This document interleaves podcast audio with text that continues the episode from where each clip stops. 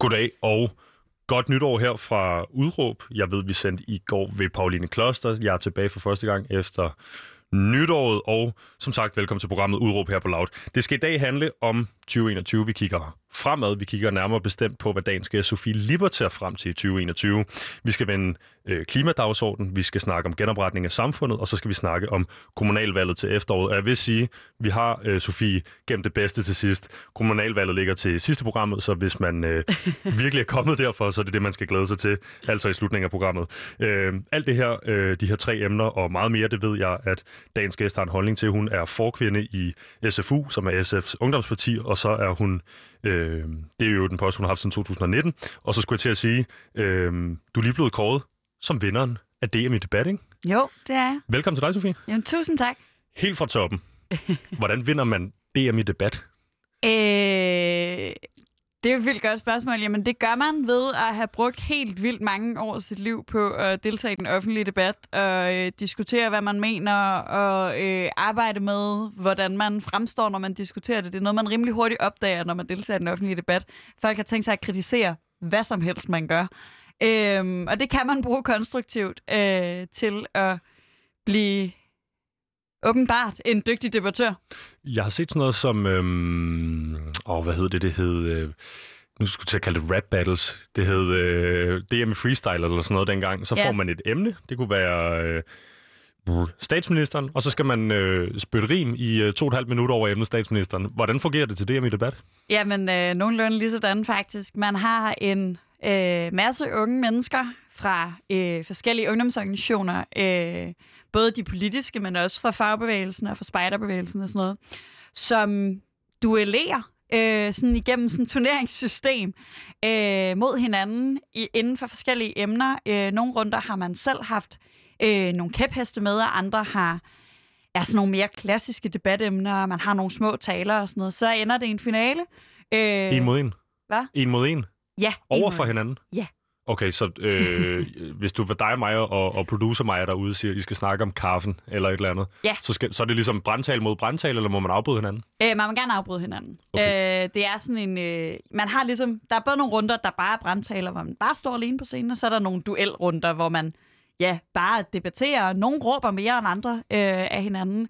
Jeg tror, noget af det... Øh, noget af det, jeg var heldig med, øh, det var, at i finalen øh, var der mig og tre borgerlige mænd, og det var som om, de var rigtig gode til øh, at feje totterne på hinanden. Øh, man havde en lidt anden tilgang til mig, hvilket betød, at de debatter, jeg deltog i, var lidt mere... Øh, jeg skal sige, fokuseret lidt mere på emnet, og lidt mindre på, øh, på beskidte knæb. Øh, og det kan man åbenbart vinde på, hvis man har styr på emnet i hvert fald. Jamen, jeg skulle da til at sige, det lyder da helt herligt, at ja. man kunne komme til at snakke om emnet frem for at øh, stå øh, og kaste mudder. Ja. Øhm, Sofie, vi skal jo ikke øh, debattere sådan forfærdeligt meget i dag. Øh, jeg glæder mig til at høre øh, din brandtale for kommunalvalget senere i programmet. det har jeg fortalt dig, jeg gerne vil have fra, øh, fra dig af, øh, når vi kommer dertil. Ja. Øhm, men øh, det er jo ikke øh, det, med debat, dagens program skal handle om. Det skal handle om øh, 2021, set gennem øh, brillerne, tør jeg godt sige, på øh, en af landets øh, ungdomspersoner, formandspersoner, øh, altså dig i, i dit virke som øh, kvinde for SFU. Ja. Jeg vil sige, øh, kort Sofie, på den her side af pulten, der står jeg, mit navn er Vitus Robak, og jeg har været næste time tid. Udråb er Danmarks eneste ungdomsradioprogram, der giver en gæst en time til at folde sin holdning ud, og det gør vi for at kunne komme rundt i alle krone og blotlægge alle nuancer, altså også her i 2021. Men Sofie, i dag så skal vi høre om dine holdninger til begivenhederne øh, i 2021, øh, eller begivenheder i 2021, som du tror kommer til at spille en stor rolle, eller på anden vis er interessant eller vigtige for dig. Øhm, vi skal lige starte. Øh, programmet hedder Udråb. Øh, og selvom vi kigger øh, frem i 2021, øh, så har vi stadigvæk ligesom øh, fået udfærdiget det her udråb. Og hvad, hvordan er det, det lyder for dig i dag? Jeg vil med, hvordan du har skrevet dem. Det er, at coronakrisen skal fylde mindre end klimakrisen. Lige præcis.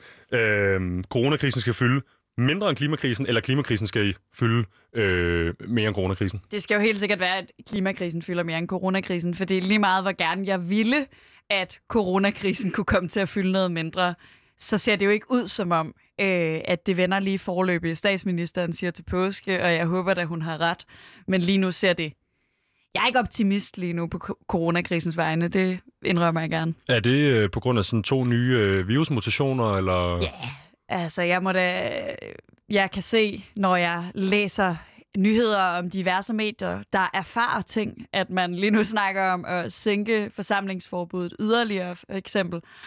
Og vi er jo lidt et sted, hvor hvor jeg synes, nu står jeg godt nok i et radiostudie, men det er sådan min daglige kom ud øh, i verden ting for tiden, at være med i radioen.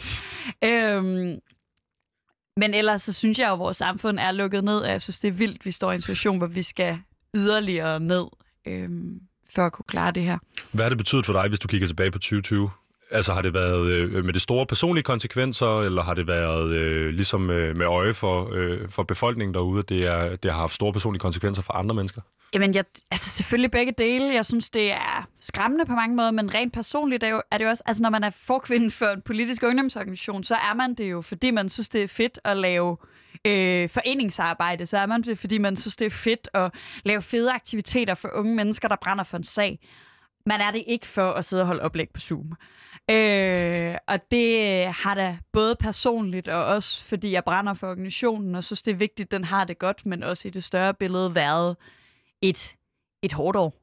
Er du træt af det? Altså coronaen? Helt vildt. Jeg tænker også, øh, det snakkede vi også om, inden vi gik i studiet her, men hvor længe, øh, hvor længe man sidder som øh, forperson i øh, SFU, øh, og det gør man jo gerne i to år. Ja. Øh, det vil sige, hvad kan sige et, et, et fuldt år, for det passer meget godt med påsken sidste år, og, Ja. og frem til påsken her, hvis vi skal stole på statsministeren, har, har dit formandskab øh, jo primært, tør jeg godt sige, handlet om den her krise. Ja. Øh, vil du kigge tilbage, nu går vi 20 år frem i tiden, eller vil du så kigge tilbage på det der som, det var fandme ærgerligt, at jeg ikke fik lov at snakke om øh, alle de andre gode ting, der er på øh, SFU's liste af, Ja. af altså fokusområder og kerneområder, øh, eller vil det, er det også lidt en, hvad skal vi sige, en slags historisk oplevelse? Jamen, jeg, i starten var jeg meget på den første følelse. Jeg snakkede meget i telefon med min mor øh, om, hvor frustrerende jeg synes, det var, og jeg var vred over, at der ikke var noget folkemøde, jeg var vred over, øh, vi var, jeg var nervøs for, om for eksempel DM i debat er jo normalt på folkemødet. Der var mange af de ting, som man gerne vil, øh, når man står i den position, jeg gør, øh, som bliver aflyst. Og det synes jeg var frustrerende, men jeg tror, jeg efterhånden er nået dertil, hvor jeg også synes, det har været spændende, og det har været anderledes, og det var, når man begynder på sit andet år som SFU-forperson, øh, så er historien sådan lidt, at det hele bliver meget nemmere i år, fordi nu har man prøvet det hele før. Og det gjorde det da i hvert fald ikke. Og der har ikke været ret mange øh, mennesker at trække på i forhold til erfaringer på det her. Men det har jo, altså, vi har udviklet vildt meget. Vi har øh, fordoblet vores antal af følgere på Instagram og sådan nogle ting. Det er jo Altså, noget. der er jo alt muligt andet, man har fået lov at lave. Øhm, så jeg håber da, at jeg vil se tilbage på det med en eller anden form for sådan... Ja, det var historisk. Det var lidt vildt at få lov at, få lov at lave politik i, i en tid som den her, hvor politik pludselig fylder altså meget mere i folks hverdag, end det måske ellers har gjort. Og Sofie, inden vi hopper videre i programmet, så øh, som sagt er det et udråb, at, at klimakrisen gerne må fylde mere end coronakrisen i, i, i 2021. Er der, øh, føler du, der er lagt op til det? Altså er, er det der, vi er på vej ind nu? Øh, vi kan snakke finanslov og alt muligt senere i programmet, men, men føler du, at der er en stemning i, i, i Danmark om, at, at, at det er der, vi skal hen? Øhm, jeg føler, der er en stemning i ungdommen om, at det er der, vi skal hen. Og jeg synes, at vi skal lytte til ungdommen og til fremtiden i en krisetid. Det synes jeg er vigtigt, at man ikke øh, er, er bagudskuende og bare vil have, at det hele var som før, men at man faktisk ser fremad, og det mener jeg, man gør ved at lytte til den ungdom, som, som klart siger, at, at der er brug for klimahandling. Mhm. Sofie, øh, som sagt, øh, så har jeg øh, lovet dig, jeg har lovet lytterne, at vi skal gå igennem øh, øh, 2021 ifølge dig, hvad det er, du glæder dig til, hvad du føler, der er interessant osv., men jeg tænker, at vi skal starte øh, et lidt andet sted, fordi øh, det er den femte i dag. Øh, den første, der holdt statsministeren sit, øh, sin nytårstale. Ja. Øh, den er blevet modtaget forskelligt rundt omkring i landet. Nogle øh, var helt vilde med den, andre synes den manglede lidt... Øh, Mm, lidt spice på en eller anden måde. Øh, der er også blevet snakket meget om det her med, at, at, at det på mange måder øh, for danskerne, øh, altså vi er blevet vant til det her Mette Frederiksens ansigt på tv-skærmen i en helt anden øh, kontekst, øh, Ja. nemlig som regel på de her pressemøder osv. Men hvad oplevede du øh, i den her nytårssal? Jamen, jeg tror, jeg deler analysen relativt meget af, at det var... Det var ikke, det var ikke så øh, specielt, som det plejer at være. Altså, det plejer at være sådan et eller andet. Øh, og jeg havde det i virkeligheden lige sådan øh, med dronningens nytårstale, øh, som jeg på trods af, at jeg er udpræget republikaner, øh, selvfølgelig ser. Øh, fordi hun jo også talte i foråret. Jeg var sådan, jamen, vi har lige set dem, Mhm. øh, følelsen. Øh, men jeg, jeg tror, jeg har, har en oplevelse af, at det var en fin tale. Det var sådan en lidt flad omgang. Det var sådan lidt en... Men, men alt har handlet om corona, og alle taler har handlet om corona, så det var også svært at... Det ville jo have været helt vildt mærkeligt, hvis det ikke var det, hun fokuserede på. Men man bliver da lidt træt over, at det er det eneste, vi har at tale om. Mm-hmm. Hvad er det for noget, øh, når du ser den tale, der ligesom springer øjnene på dig? Nu siger du corona. Øh, hun får også rundet, eller rundet nogle andre emner. Ja. Øh, er der et eller andet der, du, du tænker, åh, det var fandme godt, hun fik snakket om det i hvert fald? Jamen, altså, hvis vi skal holde os på den positive side. Jeg var øh, rigtig glad for, at hun fik snakket om, om uligheden, i hvert fald i den ene retning. Øh, jeg mener generelt, at vi skal fokusere, når man har en rød regering, så skal man tale om ulighed, øh, og man skal lave politik, der mindsker uligheden, øh, og, og vi kan diskutere bagefter, øh, om... Øh, eller en anden gang, om hun taler, om Socialdemokratiet gør nok ud af, at dem, der har mest, øh, også skal bidrage. Men, men hun får i hvert fald lagt et fokus på, at de mennesker, den her krise går hårdest ud over, det er igen de ufaglærte. For det er det altid med kriser. Det er altid de ufaglærte, det er de unge, det er dem, der står, øh, der er mindst tilknyttet arbejdsmarkedet. Øh, det er dem, der ryger først. Det er dem, der har sværest ved at få et job nu, fordi de job, der ikke er lige nu, det er de ufaglærte job. Hvis man er øh, journalist, så øh, kører radioen stadig. Øh, men hvis man er øh, tjener, og det behøver ikke engang være ufaglært, der er masser, der er uddannede tjenere, men hvis man arbejder øh, på en café, så er ens job pludselig væk, fordi, øh, fordi vores samfund er lukket ned.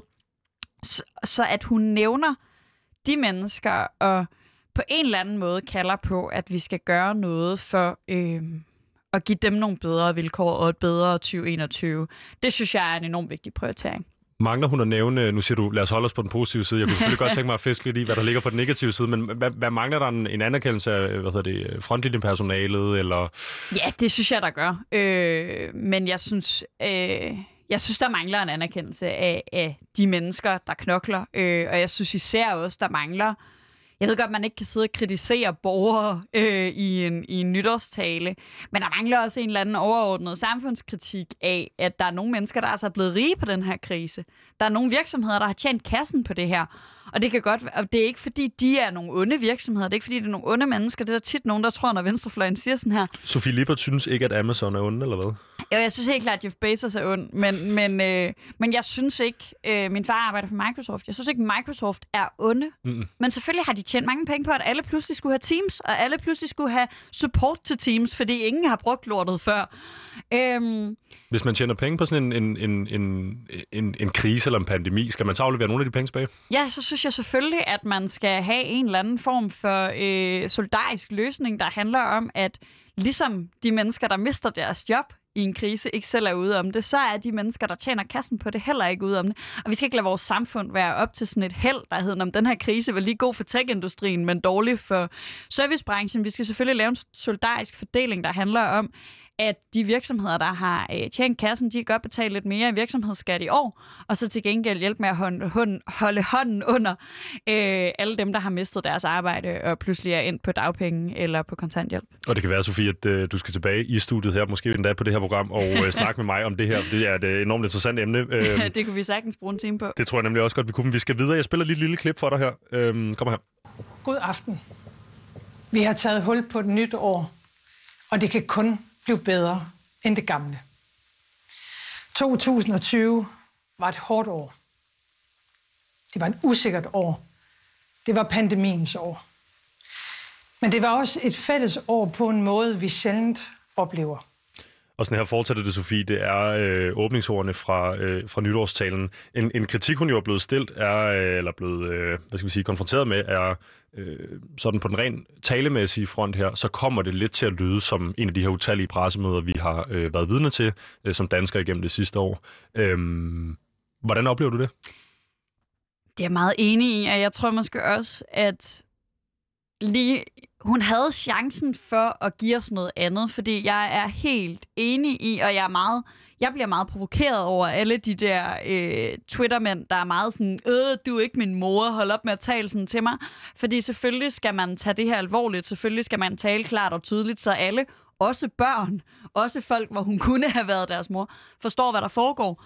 Øh, men det her var lidt chancen for at have en lidt øh, mere optimistisk tone, have en lidt mere sådan... Øh, give os noget andet, give os noget, ikke nødvendigvis mindre seriøst, men... Der var en vaccine. Altså, de nyheder havde jo ramt øh, nyhedsfladen, kan man Ja. sige. Øh, skulle hun have lænet sig lidt mere op i det? Fordi hun snakker om det her med, at øh, hun regner med, at påsken bliver et vendepunkt. Er det ikke optimistisk nok? Jo, jo, det er jo, det er jo fint sådan øh, rent indholdsmæssigt, men der er også noget med formatet, at når hun, hun går så meget i samme toneleje, samme øh, meget langsomme måde at sige meget korte sætninger, så, så, så, føl, så er det svært at bryde ud, og jeg tror, at, at et, et godt fif til Mette Frederiksen kunne have været og, og ligesom tage, tage formen et andet sted hen, så vi føler, at der var noget optimisme, fordi vi er så vant til, at den tone betyder, at nu lukker vi noget mere ned, mm-hmm. at vi, at vi sådan mentalt har svært ved at, at høre optimismen, og også høre de politiske forslag i det.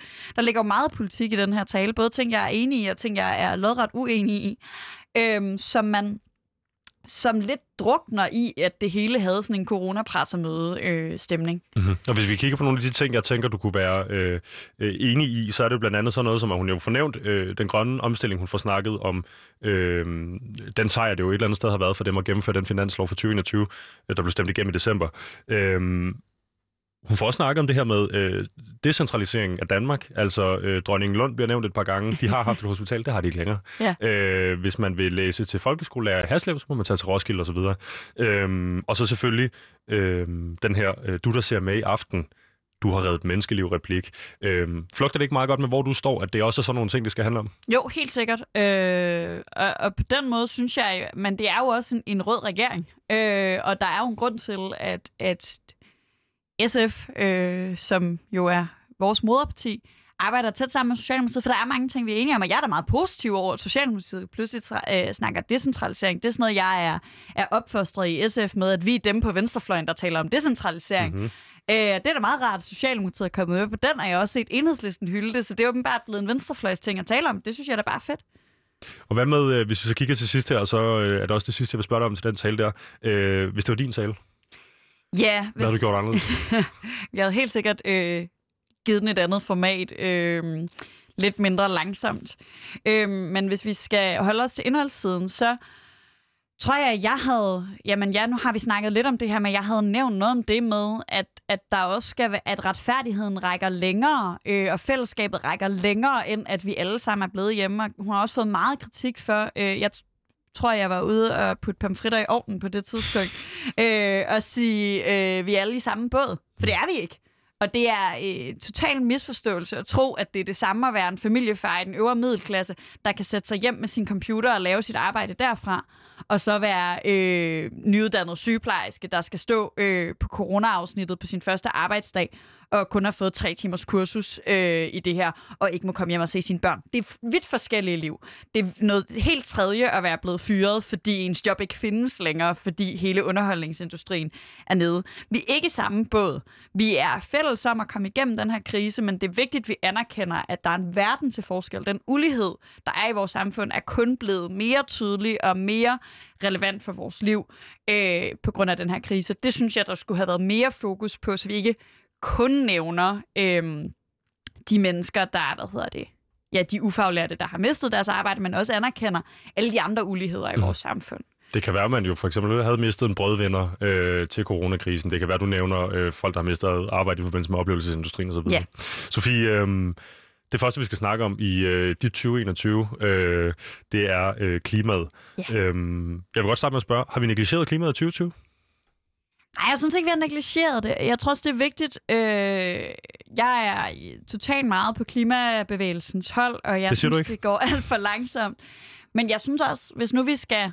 Det her handler ikke om at anerkende regeringen overhovedet. Det handler om at anerkende, hvor langt vi er nået. Så er 2020 jo det år, der er sket mest på klimafronten i hele min levetid. I hele, og længe før, altså før jeg blev født, var der jo nærmest ikke nogen, der snakkede. Åh, oh, så gammel er jeg ikke.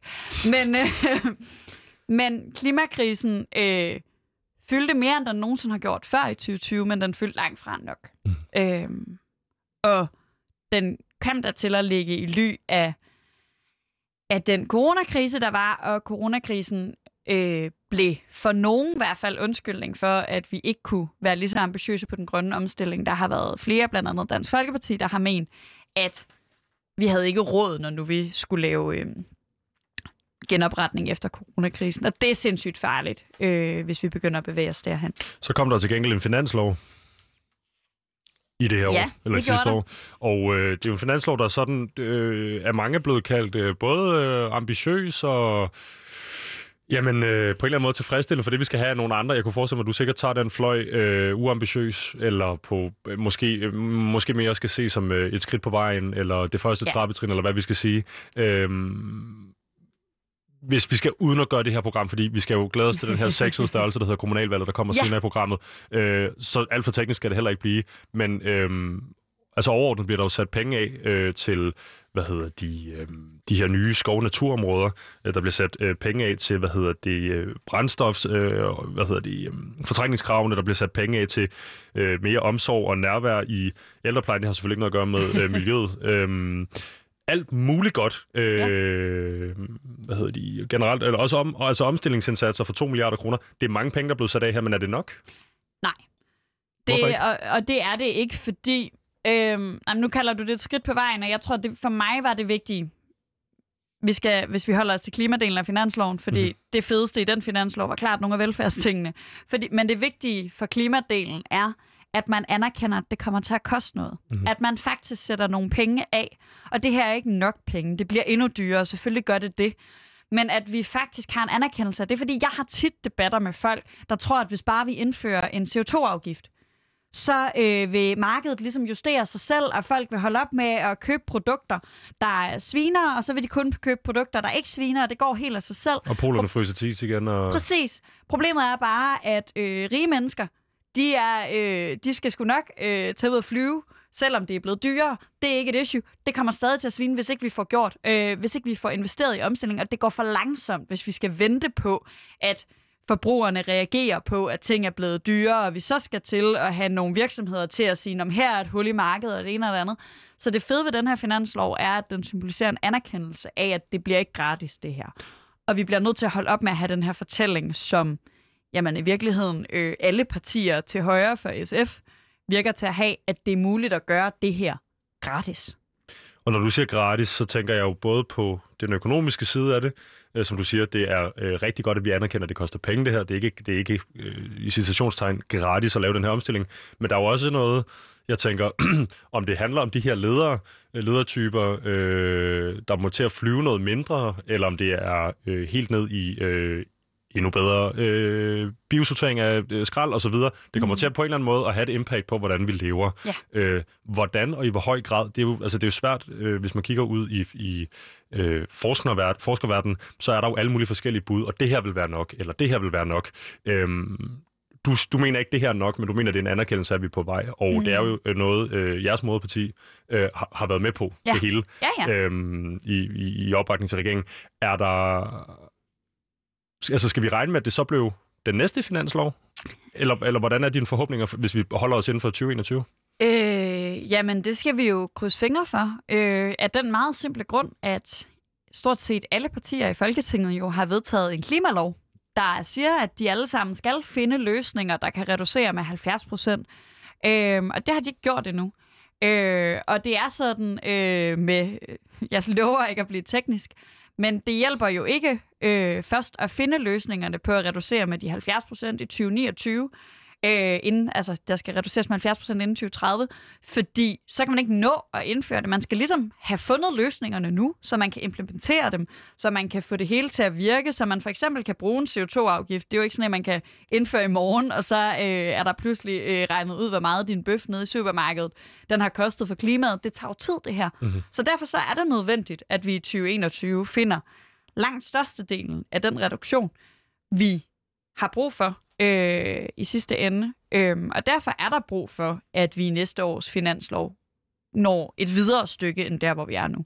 Jeg tænker også på, Sofie, øh, du og jeg er født med en dags mellemrum tilbage i 1995.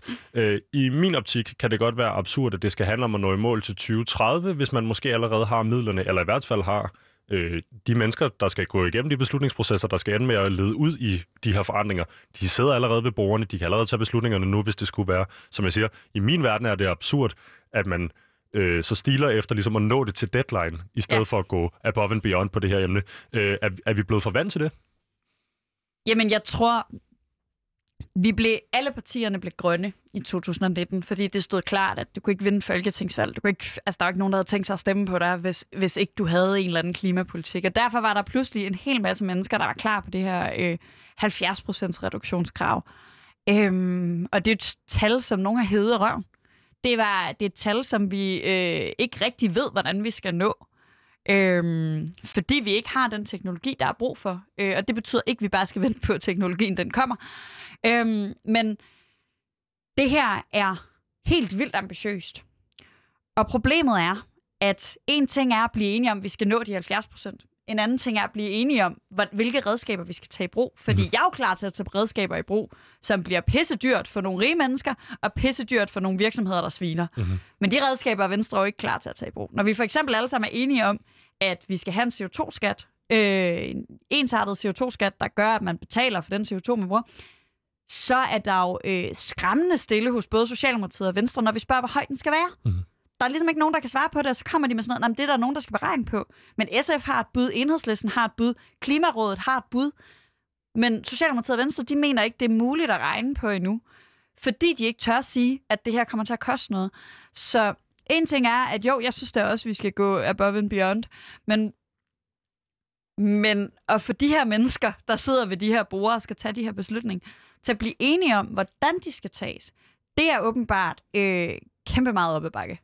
Og hvis vi så kigger tilbage på dit udråb her, altså at klimakrisen gerne må fylde mere end coronakrisen i 2021, er det så den samme slags øhm, alvor og seriøsitet ude i samfundet? Altså at, at danskerne, som Mette Frederiksen også fornævnte i den her nytårstale, altså i overvejende grad, hvis vi kigger bort fra Nørrebroparken, øh, i overvejende grad blev hjemme, i overvejende grad udvist i samfundssind. Jeg tager metroen hver dag på arbejde. Øh, jeg ser aldrig nogen, der ikke har mask på. Altså, Nej. jeg tænker egentlig, vi er ret gode til at, at, at markere ret. Hvis mm. nu der kom øh, det singer fra staten om, at øh, det her, det var klima, ligesom klimaets år, øh, og, og de off, øh, opoffringer, jeg skulle gøre mig som privatperson, øh, vil minde om det i, i, i coronakrisen. Måske noget andet. Måske det ikke handler om social begrænsning, men måske handler om øh, en eller anden form for nedgang i mine levestandarder, som jeg er blevet vant til dem. Øh, er det, er det så, skulle man så ligesom smede, mens hjernet er varmt, eller mens vi er vant til, at der måske er, altså, for sit liv, nedgang i livskvalitet? Jamen, jeg tror da i hvert fald helt sikkert, man kan bruge det, vi har lært af coronakrisen, til at sige, at vi kan faktisk omstille os til en krisesituation. Vi kan faktisk øh, finde ud af at lave vores liv om, hvis det er det, der skal til. Vi kan faktisk, øh, virksomheder kan øh, omstille deres produktion fra øh, gin til håndsprit, så kan de nok også omstille deres produktion fra sort til grøn.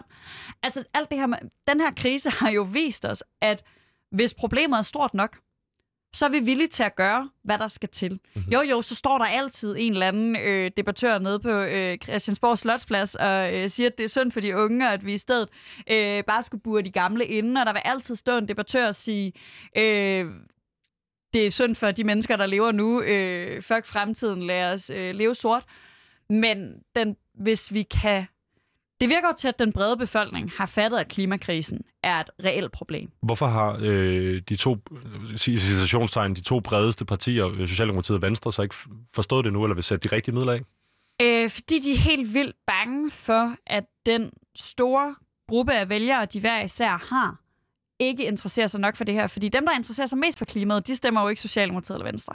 Dem, der interesserer sig mest for klimakrisen, de stemmer på SF, på Radikale, på, øh, hvad hedder det, ja, Alternativet, men på enhedslisten. Øh, og hvis de er borgerlige, så stemmer de måske på konservative i håb om, at Connie Hedegaard en dag vender tilbage.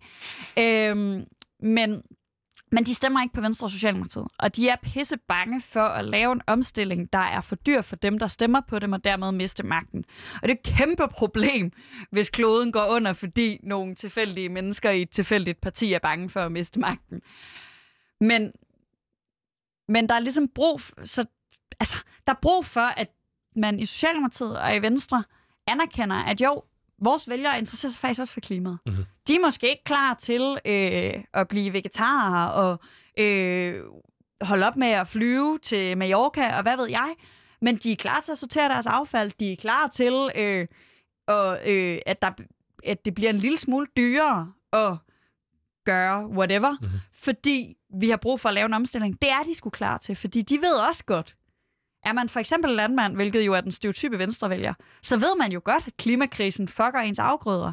Altså, så ved man godt, at mere regn og mere varme og øh, mindre frost og sådan noget er ikke nødvendigvis godt fordi det laver hele sådan vores, ja, vores natur, det er det så ikke, når det er landbrug, men hele vores økosystem om i en sådan grad, at man ikke kan blive ved med at lave det, man laver.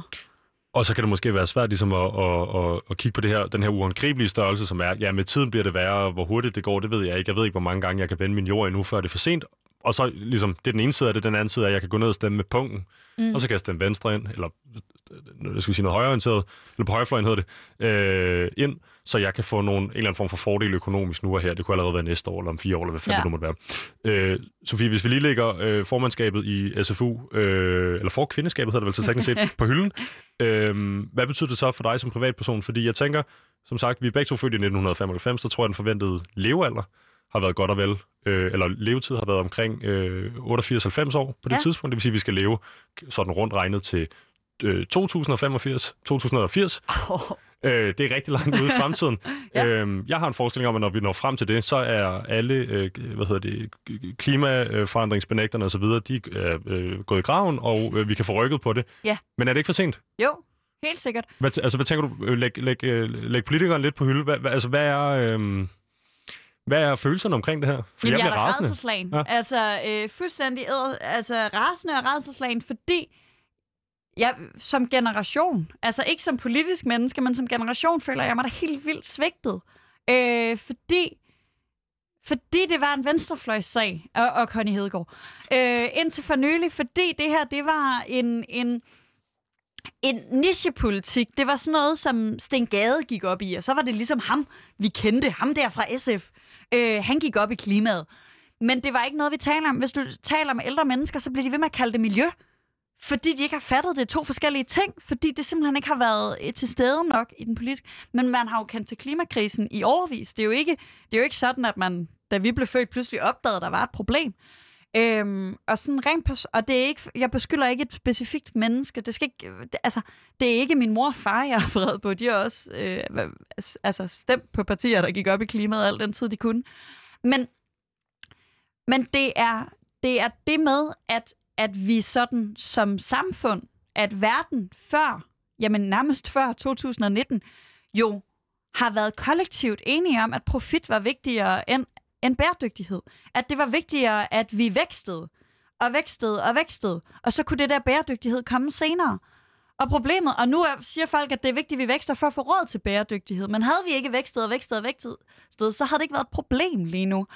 Øhm, og det, man føler, altså... Min største frygt, det er jo, at vi kom for sent. Altså, det er, at vores generation var den første generation, der tog øh, klimakrisen seriøst, men at vores forældre var den sidste, der kunne gøre noget ved det. Mm-hmm. Det er jo en helt reel Øh, ja. Alt efter hvilken øh, forskning man kigger i. Sofie, øh, tak for det ærlige svar. Velbekomme. Vi skal videre i, din, øh, i de nytårsprojektioner. Ja. Øh, den næste, vi skal snakke om, det er øh, genopretning af samfundet. Ja. Øh, og jeg tør godt lægge det i munden på dig, at det er altså genopretning af samfundet i forhold til den her coronakrise, vi netop er gået igennem. Ja. Men hvad er det, du primært tænker på, når du snakker genopretning af samfundet?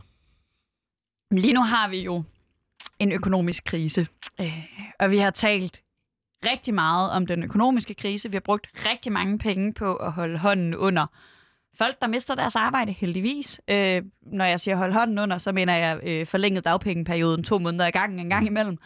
Øh, men trods alt brugt nogle penge på det, brugt rigtig mange penge på at øh, betale hjælpepakker til virksomheder, så de ikke skulle fyre deres medarbejdere. Det synes jeg er rigtig vigtigt. Brugt rigtig mange, ikke nu, øh, men kommer til at bruge rigtig mange penge på at øh, betale nogle minkavlere, der ikke kan få lov at være minkavlere længere, øhm, fordi mink åbenbart bare var vilde med corona. Men vi har brugt meget lidt energi på at, øh, at tale om, jamen, hvordan kommer vi så ud af det her på en måde, der øh, ikke rammer for, for, menneske, altså for hårdt menneskeligt. Altså, øh, vi har en masse arbejdsløse, men det der med at være arbejdsløs, det er jo ikke kun en økonomisk belastning, det er også en psykisk belastning. Vi har en hel ungdomsgeneration, der har siddet hjemme og stirret på deres skærm, i stedet for at have undervisning med øh, interaktionen, hvor de øh, med feedback. Altså en ting er, at vi taler taler om feedback før, manglende feedback før 2020. I år er det jo sådan helt sindssygt. Man har jo ikke engang den der sådan helt basic menneskelige feedback af, at du kan se din lærers ansigtsudtryk, når du svarer på et spørgsmål, så du ved, om det er sandt eller mm. forkert. Øhm, og alle de her ting øh, har vi brug for en, en plan for genopretning af, som både handler om øh, at, at sikre en økonomisk retfærdighed, men også handler om at sikre øh, en, en menneskelig genopretning, der gør, at det her det ikke bliver den ungdomsgeneration, der bliver tabt på gulvet, fordi vi havde dårligere uddannelser og dårligere trivsel øh, og ikke kom ud på arbejdsmarkedet, da vi var færdiguddannet. Øh, men også generelt, at vi ikke får et, et, et kæmpe efterslæb af folk, der er arbejdsløse og mistrives psykisk og på den ene eller anden måde er blevet ramt meget personligt af det her. Så jeg hørte dig sige, at øh, det, der har været fokus på rigtig meget til videre, det er den økonomiske side af det. Ja. Du kunne godt tænke dig, at der blev fokus på den menneskelige side af det i det her år. Ja, fordi grunden til, at vi gerne vil have, at økonomien er opretholdt, at vi øh, gerne vil have vækst, at vi gerne vil have, det er jo, at vi gerne vil have, at mennesker har det godt. Mhm. Men vi er kommet til at tale helt vildt meget om en relativt lille mængde mennesker, for eksempel minkavlerne, øh, og meget lidt om, øh, hvad det er, og det gør ved mennesker. Og en ting er, altså, og det er slet ikke, jeg synes, nedlukning og alting er, er det helt rigtige at gøre, men det kræver også, at vi så er villige til at investere i, at de mennesker, der er blevet påvirket andet end økonomisk af den her krise, også, øh, hvad hedder det, får, får noget hjælp, får noget, jamen, en hjælpepakke til, altså nu har vi godt nok i finansloven fået gratis psykologhjælp til unge, men det er nok ikke kun de unge, der har brug for det, og det er nok øh, ikke øh, det, der i sig selv løser det. Vi har brug for meget mere af den slags. Så jeg hørte dig sige, de, de, de arbejdsløse, de unge, øh, dem, der har fået taget, øh, på en eller anden måde fået taget deres levebrød fra sig. Ja. Øh, du anerkender, at der er kommet gratis psykologhjælp til de unge i, på finansloven, men øh, skal, altså, og jeg har snakket om en del i det her program i løbet af sidste år, men min søskende, som er 16 og 16, øhm, som jo ikke er nogen på gymnasiet og i øh, folkeskolens sidste trin, hvis nok, øh, de, kommer ikke ud. Nej. Altså, og, og med rette jo. Altså, det er en god idé, de ikke gør det, fordi ja. det er super spredt og alt muligt andet. Men der kan man da godt se på den, og jeg siger ikke... Øh, øh, kæmpe skud og alt muligt, men jeg siger ikke, de er, er rådne eller visne eller noget. Jeg kan da bare godt se på dem, at de er virkelig trætte af det. Og øh, hvis, man, øh, altså, hvis jeg kigger tilbage på, eller kigger min egen omgangskreds øh, af venner og veninder med psykiske udfordringer, så er det som regel en historie om en dårlig oplevelse på efterskolen, eller noget knas med forældrene, eller knas med Ja. ja. ens selvbillede, da man var teenager eller et eller andet. Jeg kan bare rigtig godt se for mig, at det her øh, kunne have slemme konsekvenser for en, for en hel generation af unge mennesker, og at vi bliver nødt til at, at, at, at, at fange dem. Men, men vi sidder jo stadigvæk i en, i, en, i en krisesituation, så det kan jo ikke være lige nu. Hvordan, tænker, vi- hvordan skal vi løse det? Er det, er det bare øh, at, at, at pumpe masse penge ind i, øh, undskyld, pumpe en masse penge ind i psykiatrien? Nej, det, det håber jeg virkelig ikke. Øh, det tror jeg også, jeg synes er at spille for lidt, hvis det bare er det, vi gør. Øh, for så har vi jo på en eller anden måde øh, accepteret, at vi har tabt den her ungdomsgeneration. Øh, jeg er da rigtig glad for at være 25, i stedet for at være 19. Jeg har en 19-årig søster, hun går også i gymnasiet. Øh, jeg tror, hun har været i øh, isolation Jamen altså, jeg ved ikke, hvor mange gange, fordi så var der en eller anden i hendes gymnasieklasse, der var testet positiv, og så skulle hele skolen jo nærmest hjem igen. Øh, og det har der haft, altså det kommer der til at få kæmpe konsekvenser. Øh, og jeg tror, at en vigtig del er at anerkende de her unge mennesker og bruge nogle ressourcer på at sikre, at der, øh, når vi er færdige med det her, kommer verdens fedeste sociale studiestarter alle steder, at vi øh, anerkender, at der er nogle unge mennesker, der har brug for... Øh, for måske noget mere tid, før de kan starte på studie, at vi, vi prøver at lette noget af alt det andet pres, der er på unge mennesker, øhm, for ligesom at give dem en anerkendelse. Altså bruge nogle ressourcer på at sige, okay, det her var absurd hårdt. Hvordan sikrer vi, at du får et socialt fællesskab? Hvordan sikrer vi, at du ikke føler dig presset ud i at vælge det sociale fra de næste fem år? Fordi nu har du været tvunget til at gøre det det seneste år. Hvordan sikrer vi så, at vi ikke er kommet til at lave en fremdriftsreform, der gør, at du ikke har tid til at tage til fredagsbar, fordi hvis ikke du består det her fag, så bliver du smidt ud af studiet, så kan du ikke komme ind på os, og så videre, og så videre. Øhm, så er den seneste jo, der er lige startet et borgerforslag, som jo er sprintet til 25.000, som handler også om, jamen anerkend de her unge mennesker, der siger, vi har ikke lært det, vi havde brug for at lære øh, af den her undervisning. I folkeskolen? I øh, gymnasierne. Mhm. Mm-hmm. Øh, hvad hedder det? Vi har brug for, at I laver en model for vores eksamener, der ikke bare er standardmodellen. Og vi har brug for, at I melder det ud nu, sådan at vi ikke bruger det næste halve år at sidde, på at sidde alene hjemme på vores værelser og kigge ind i en computer og være mega stresset over, at vi skal til øh, 8-9 eksamener til sommer. Der er jo nogle af de her øh, gymnasieelever, der går i 3.G, som aldrig har været til en eksamen i gymnasiet. Fordi man har ikke nødvendigvis eksamener i 1. G, der har man nogle årsprøver. Så var de, gik de i 2G sidste år, hvor alle 1. og 2.G'ers eksamener var aflyst, fordi dem prioriterede man ikke lige. Og så skal man op til 8-9 eksamener i 3.G. Det er jo et vildt pres, vi har lagt på de her unge menneskers skuldre, samtidig med, at de sidder alene hjemme ved deres computer og ikke har noget socialt liv og får en ringere undervisning. Og hvis der også er den, hvis du kigger på din søster isoleret set, som må gå i 3.G, øh, samme generation, der blev udsat for lærerlockoutet dengang, og har ja. taget den med, og samme generation, som jo bliver kostet rundt i forhold til fremdriftsreformer. Du og jeg er jo lige generationen over det der. Ja. Det gik ikke ud over os. Det gik ikke ud over producer mig derude, tror jeg. Nej. øh, men det gik øh, ud over de her yngre mennesker. Jeg kan godt forstå, hvis det øh, ophober sig. Øh, Sofie, øh, jeg tænker, vi skal op videre, fordi jeg havde jo lovet øh, lytterne den her sexy leviathan af et emne, vi skal snakke om til sidst, yeah. nemlig øh, kommunalvalget, som løber af stablen den 16. november i år. Ja. Øh, det er lange udsigter, øh, men der er selvfølgelig, som der er med øh, valg i, i disse tider, lang optakt. Ja. Øhm, kan vi ikke starte med, Sofie, øh, kan jeg få en eller anden form for brandtale, eller mm, kan du prøve at sælge mig og lytteren, hvorfor kommunalvalget er øh, mere sexy, end det egentlig skulle tro, det var? Jamen, jeg tror, jeg lærte, hvorfor kommunalvalget er mere sexy, end man skulle tro, det var. Da jeg selv stillede op i 2017, jeg havde nogle mærkesager, jeg selv synes var helt vildt vigtige. Der var en om øh, flere billige boliger. Det er kommunalpolitik i høj grad, hvor der bygges billige boliger. Det er vigtigt. Så havde jeg noget med gratis psykologhjælp til unge. Det kan laves kommunalt. Det er en lidt længere snak om, hvorfor det giver mening både kommunalt og nationalt. Men så havde jeg en mærkesag, som jeg egentlig selv synes var lidt flad som var, at vi skulle have natbusser. Øh, folk, der er fra Aarhus, de kender øh, natbustiderne. Det er klokken 1, halv 3 og 4, fredag og lørdag. Øh, men der er ikke natbusser andre dage, så hvis du øh, er til torsdagsbar, så øh, går den sidste bus klokken 12. Eller hvis du har et arbejde, øh, hvis nu vi skal tænke lidt ud af øh, festboblen, hvis du har et arbejde, hvor du skal, for eksempel har jeg arbejdet på McDonald's, den lukkede klokken 1. Nede på hovedbanen? Nej, øh, ude i Tilst. Oh. Øhm, og netop når man arbejder ude i Tilst, men bor inde i Midtbyen, så vil man jo gerne hjem der klokken 1, og det kan man ikke med andet end cyklen, fordi der går ikke nogen natbusser. Øhm, så jeg havde en mærkesag om, at vi skulle have natbusser i hverdagen og i ferierne, fordi i Aarhus er der heller ikke natbusser øh, i sommerferien, fordi der skal man åbenbart ikke sent hjem. Øhm, og det er jo endnu værre, hvis man bor i en anden kommune. Hvis man bor i København, så man slet ikke forestille sig, hvad det vil sige, der ikke går en bus om natten. Men Nej. pointen er, at det er en, øh, hvad hedder det, det man kan påvirke i kommunalvalget, det er de her ting, der faktisk sådan en til en påvirker din hverdag lige nu. Mhm. Det vil betyde noget for mig i morgen, om der var en natbus hjem. Det vil betyde noget for mig i morgen, om der var flere billige boliger i min by. Alle sådan nogle ting, det er de ting, der kommer helt tæt på. Det er alle de ting, vi går og er småfrustreret over i hverdagen. Det er ikke de store linjer. Det er ikke 2 milliarder på en finanslov, som man aldrig rigtig opdager, hvor ender. Nej, det er de ting, hvor man, når det bliver indført sådan helt konkret, kan mærke det. Det er også, øh, der er også dårlige ting, og det er derfor, det er vigtigt, at man stemmer på det, man tror på, fordi der er også noget som, nu bliver det meget sådan Aarhus-fixeret.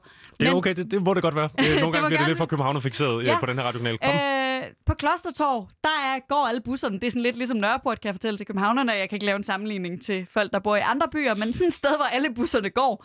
Øh, der var busskuer. Men det er også der, alle de hjemløse hænger ud. Og man var lidt træt af, at de hjemløse sov i busskuerne. Så hvad gjorde man? Man fjernede busskuerne. Øh, fordi der var en venstrerådmand på det her. Det var vigtigt, at de hjemløse ikke var der øh, og skabte utryghed ved busskuerne. Øh, men det betyder jo, at når det regner, så er der ikke noget øh, sådan overdække ved busserne længere.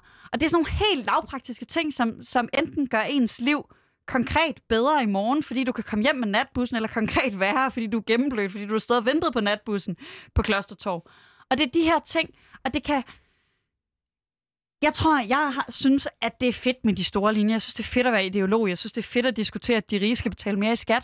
Men jeg synes også, at der er noget enormt fedt over faktisk at gøre konkrete menneskers konkrete liv bedre i morgen. Og det er det, man kan gennem kommunalpolitik. Tak skal du have. Velbekomme. Jeg er solgt nu. Jeg glæder mig, jeg glæder mig til at stemme. Ja. Øhm, jeg tænker også, øh, mens du stod og holdt din tale, så jeg til at tænke på, at min stemme i virkeligheden, den er vel mere værd, end den er på national plan i min, i min kommune, for der er simpelthen færre mennesker, der stemmer. Øh, Ja. Der skal nok sidde nogle stati- statistikere derude og sige... Du, det er dig, du har læst matematik. Giver Ja. det overhovedet mening, det jeg står og sagde der? Ja, det gør det. Godt. Øhm, jeg er nemlig ikke så skarp på den front, Sofie. øhm, nej, det jeg tænker på er, at, at, at det bliver meget mere lokalt. Det bliver meget mere, som du siger, øh, jeg kan se den øh, påvirkning, øh, eller påvirkning på de ting, jeg har stemt igennem, øh, eller de, øh, hvad hedder det, repræsentanters øh, øh, valgprogram og så videre.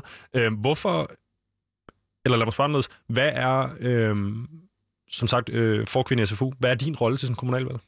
Jamen, øh, min rolle, det er øh, at støtte alle vores mange unge kandidater, fordi nu siger du, at din stemme er mere værd. Øh, din stemme er også relativt mere værd end alle andre unges, fordi der er færre unge, der stemmer til kommunalvalget. Øh, der er også øh, rigtig meget værdi i så at stemme på nogle unge, fordi gennemsnitsalderen for folk, der sidder i kommunalbestyrelser, er selvfølgelig også meget højere, både end dem, der sidder i Folketinget, men jo derfor også end, end de mennesker, der er i kommunen. Øh, Øh, det er sådan noget med, at gennemsnitsalderen øh, i Aarhus Kommune er vist øh, 37, men i byrådet 47, eller sådan nogle ting. Det er den størrelsesorden, vi arbejder i.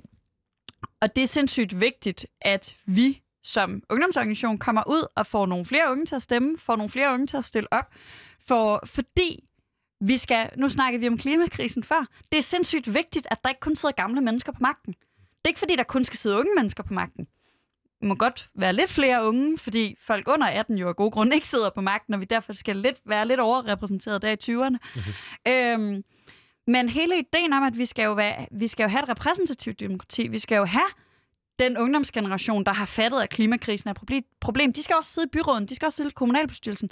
Der er masser af klimapolitik, der kun kan udføres lokalt. Altså noget af de der sådan helt lavpraktiske ting, det skal udføres lokalt. Og det er sindssygt vigtigt, at der sidder nogle unge mennesker der.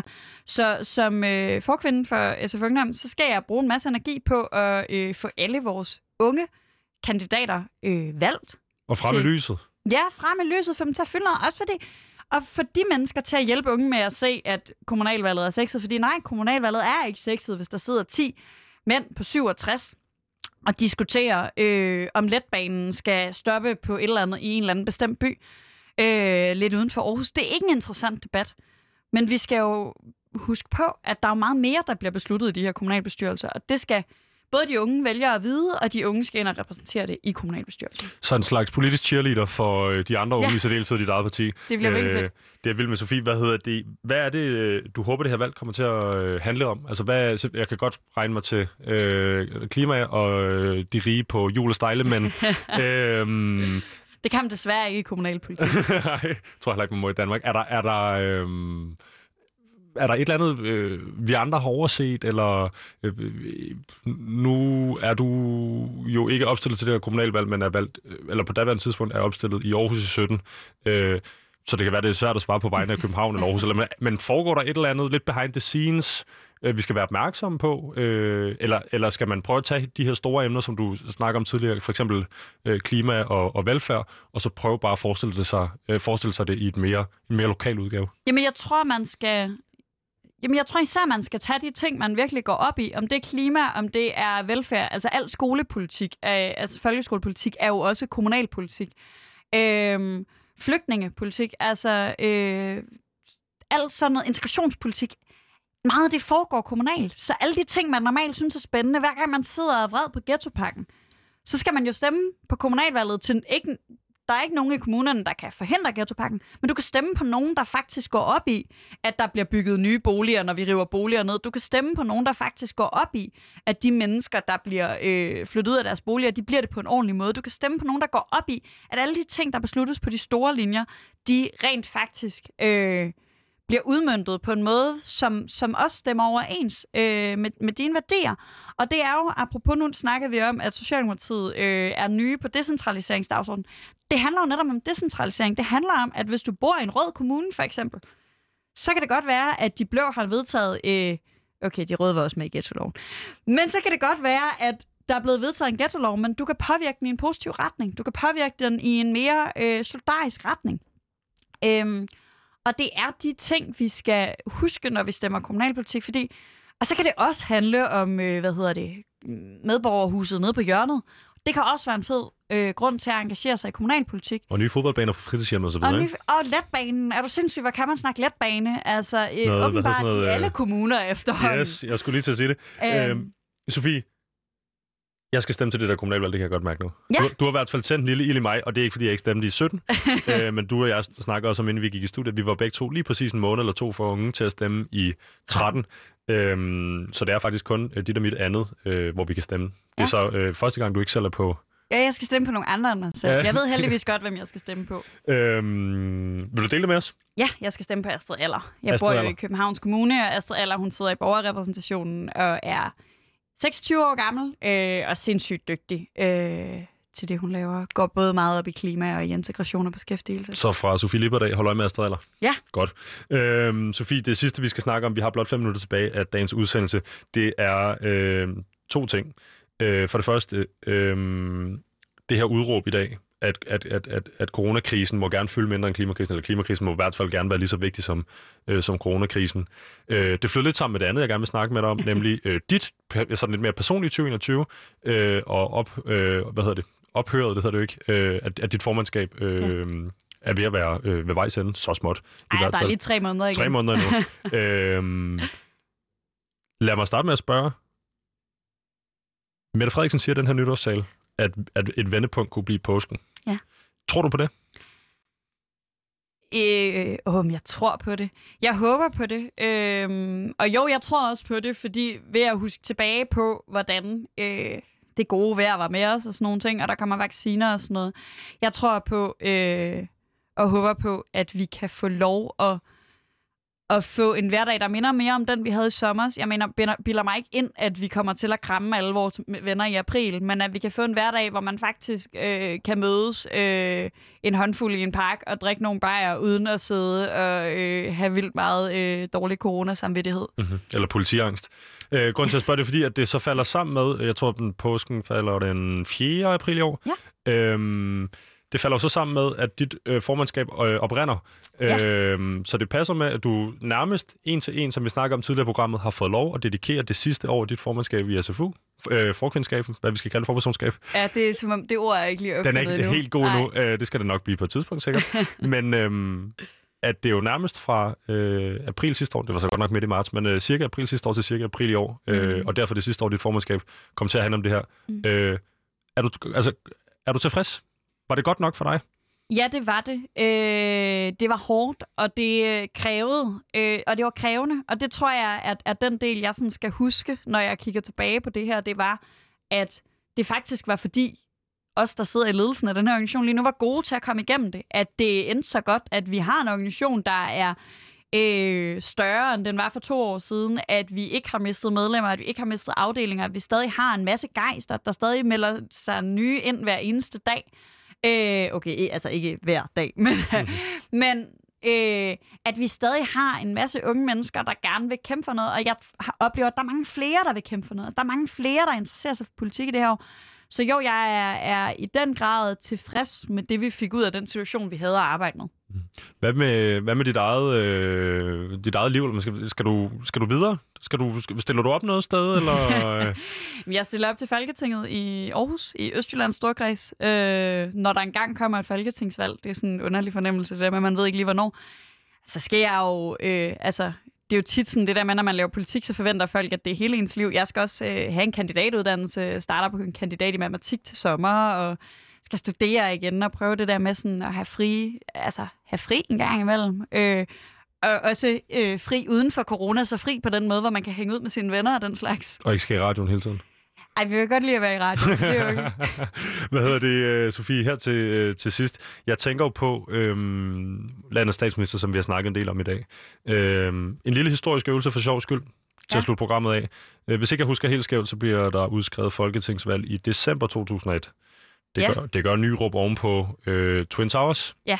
Øh, han mener, at øh, verden har en, øh, en et, det, det er et nyt sted, øh, og det vil kun være færre for den danske befolkning at få lov at tage stilling til, hvem der statsminister skulle være på ny. Han taber det her valg, det bliver Anders Fogh, der overtager. Ja, det var ikke så godt. Øh, det kommer jeg på hvad for nogle briller man har på.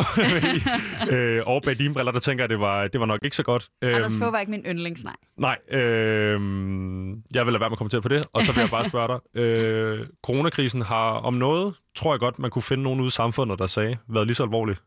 Burde hun gå ud og udskrive til valg? Eller skrive, øh, hvad hedder det? Udskrive folketingsvalg? Jeg ved ikke, om jeg synes, hun burde. Øh, blandt andet, fordi meningsmålingerne jo klart indikerer, at hun har øh, befolkningens opbakning stadig. Jeg tror godt, hun kunne finde på det, netop fordi meningsmålingerne så klart indikerer, øh, at hun har befolkningens opbakning. Så jeg vil ikke blive overrasket, hvis hun udskriver øh, valg om et års tid, når coronakrisen er bag os, og kommunalvalget er overstået, så tror jeg, at det er realistisk, at hun godt lige vil have pumpet mandattallet lidt op, øh, og have pumpet Venstre en smule ned. Tak for analysen, Sofie. og øh, tak, fordi du kom i dag. Jamen, selv tak. Jeg skal sige, at øh, du derude har lyttet til Udråb på Loud. Dagens producer hedder Maja Bader. Mit navn er Vitus Robak, og vi vender selvfølgelig tilbage igen i morgen fra 12.05 til 13.